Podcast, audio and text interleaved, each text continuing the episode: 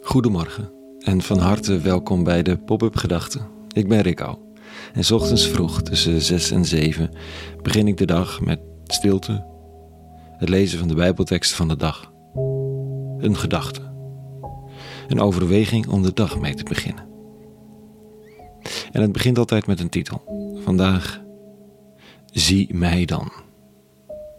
Pop-up dinsdag 5 juli 2022.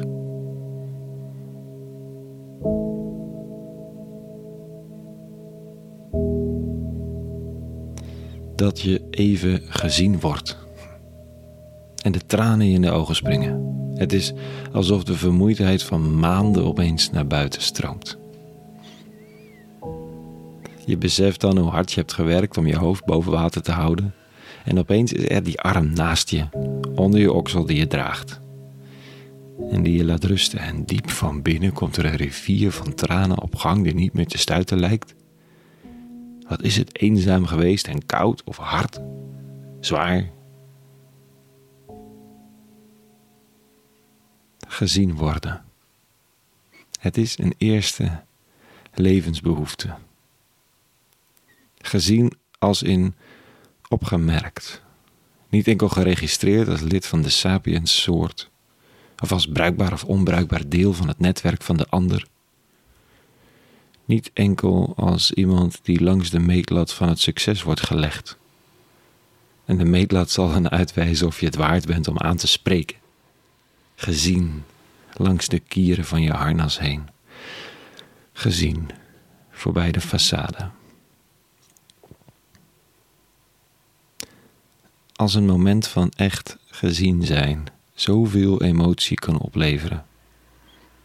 Waar gaat het dan mis? Wat doe ik? Wat denk ik? Wat geloof ik dan over mijzelf, de wereld, de ander, God? De rest van de tijd. De tijd dat ik aan het ploeteren ben. Ik lees vandaag zo'n mooi stukje eeuwen en eeuwenoude poëzie. Zo actueel als wat. Psalm nummer 115. Dit staat er onder andere. Hun afgodsbeelden zijn zilver en goud, door mensenhanden vervaardigd. Ze hebben een mond, maar spreken niet. Ze hebben ogen, maar zien niet. Ze hebben oren, maar horen niet. Ze hebben neus, maar ze ruiken niet. Ze hebben handen en tasten niet. Ze hebben voeten en lopen niet. Er komt geen geluid uit hun keel. Al even onnozel is hij die ze maakt, en die vertrouwt op hun macht. Actueel noemde ik het. Niet omdat we nou zo druk bezig zijn met afgodsbeelden in letterlijke zin, maar wel dit. Of we het nu zelf organiseren of niet, maar we zijn zomaar omringd door mensen en dingen waar we ons leven op bouwen, maar die niet spreken, niet echt, niet zien, niet diep, die niet horen, ook al zeggen ze van wel, die niet ruiken waar het zit, die niet aanraken al hebben ze handen, die niet meelopen ook al hebben ze benen, en ze blijven stom, onnozel en toch heb ik er mijn vertrouwen op gesteld. Met dit team ga ik het redden, denk ik dan.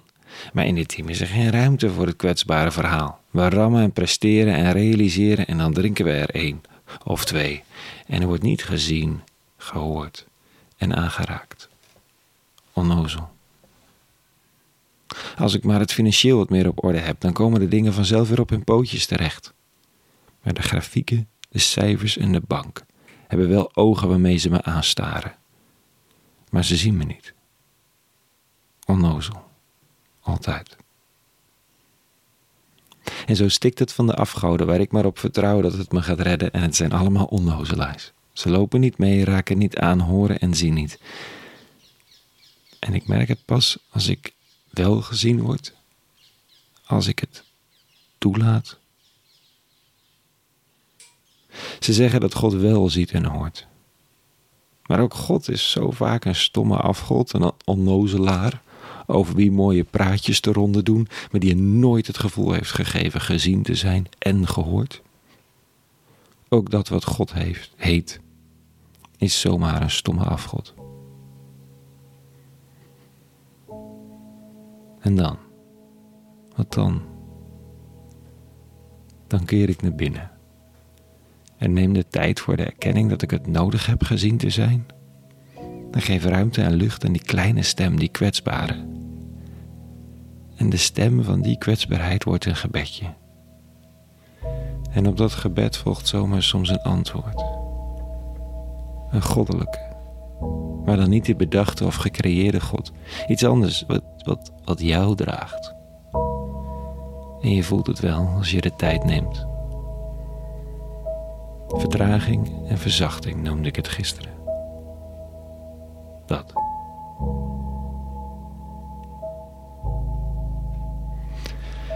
Tot zover even vanochtend. Een hele goede dinsdag gewenst. En vrede. En alle goeds.